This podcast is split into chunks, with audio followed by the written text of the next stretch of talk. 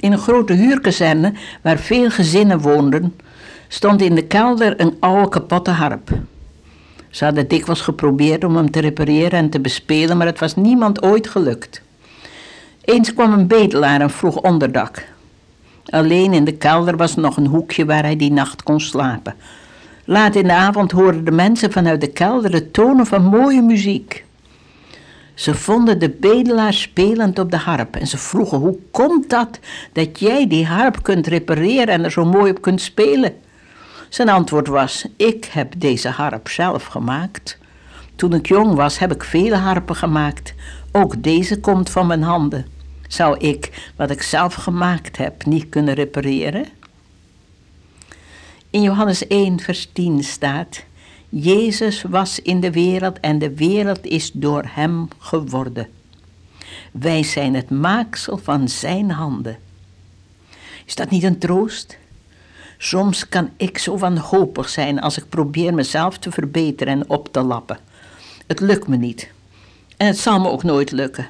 Maar als ik me overgeef aan Hem die mij gemaakt heeft, dan beleef ik wonderen.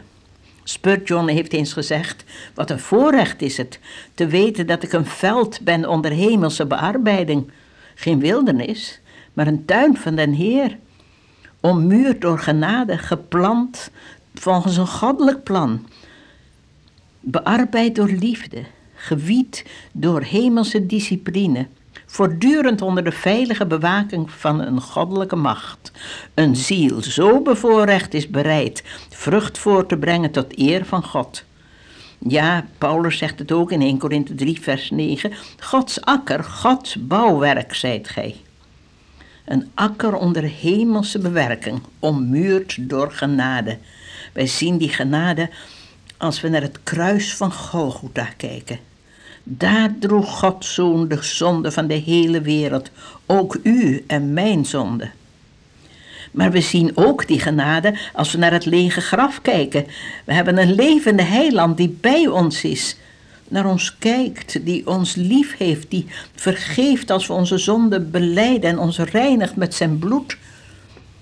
En nog altijd, nu, wat een genade. Efeze 1, vers 7. En in Jezus hebben wij de verlossing, vergeving van de overtredingen, de rijkdom zijner genade. Geplant volgens het goddelijk patroon. Gij hebt door al bestierend koning de plaats bestemd van ieders woning, de kring waarin hij werken moet. God heeft een microscopische en een telescopische interesse voor ons. De haren van ons hoofd zijn geteld en het heelal is in zijn hand. We begrijpen dat goddelijke patroon niet altijd. Wat God borduurt door lief en leed in het weefsel van een mensenleven, vertoont een beeld waar niemand weet gewisse duiding aan te geven. Aan deze zij schijnt lijn bij lijn door één te wirren en te warren. Daarboven zal het een kronen zijn, omgeven door een krans van starren. Een tuin van de Heer, ommuurd door genade, bewerkt door liefde, gewied door hemelse discipline. De zonde komt tussen ons en God, zoals een wolk tussen de zonneschijn en ons kan komen. Zonde is als het onkruid dat de groei van planten en bloemen lelijk in de weg staat. De hemelse discipline wiedt ons, trekt het onkruid eruit. Dat kunnen zware tijden zijn in je leven. Het lijkt soms wanhopig. Ik was in de gevangenis heel alleen in een cel, vier maanden lang. Dat was een ploegtijd. Ik dacht, er blijft niets van me over. Ik was wanhopig. En ineens zag ik Gods kant. Ik zag mezelf als een veld dat omgeploegd werd, gewied werd. Toen schreef ik, ik lees nu voor uit die brief die ik van de, deze week vond. Ik heb me wonderwel aangepast aan het leven, zo eenzaam, maar met God gemeenzaam. Ik spreek veel met mijn heiland en krijg dieper inzicht in tijd en eeuwigheid.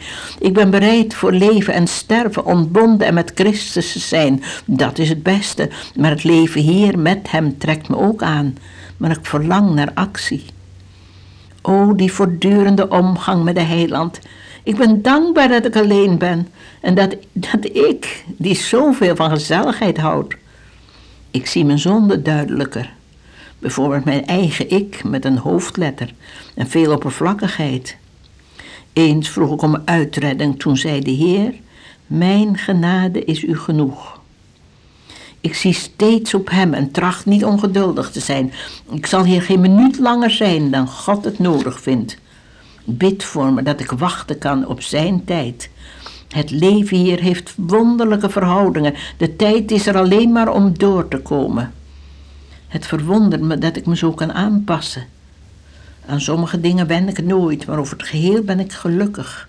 Het is wel donker, maar dan geeft de heiland zijn licht en dat is heerlijk.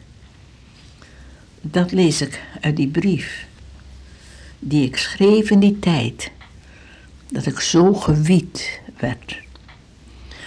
Door mijn gevangeniservaringen kan ik nu gevangenen helpen. Ik begrijp ze. Ik weet uit ervaring dat je vrij kunt zijn, ook als je gevangene bent. In die tijd was je in de gevangenis dicht bij de dood.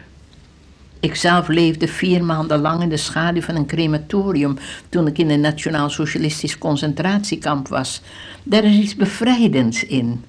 Je ziet de dingen in de juiste verhouding, want je raakt de eeuwigheid aan en dan zie je als het ware ook alles van de eeuwigheid uit. Dat wieden kan pijn doen, kan verwonden, maar we overwinnen door het bloed des lams. We zijn als het ware leem in de hand van de pottenbakker die ons vormt, kneedt en modelleert. En vergeet niet, we worden wel gewied en gekneed en gemodelleerd, maar onze akker is voortdurend onder de veilige bewaking van een goddelijke almacht en een zorgende liefde. Bilderijk heeft eens gezegd: God zorgt voor ons met een allerbijzonderste voorzienigheid. Een ziel zo bevoorrecht is bereid vrucht voor te brengen tot eer van God. Wat bent u? Een wildernis of een tuin van de Heer? Bent u een wildernis? Kom dan tot Jezus.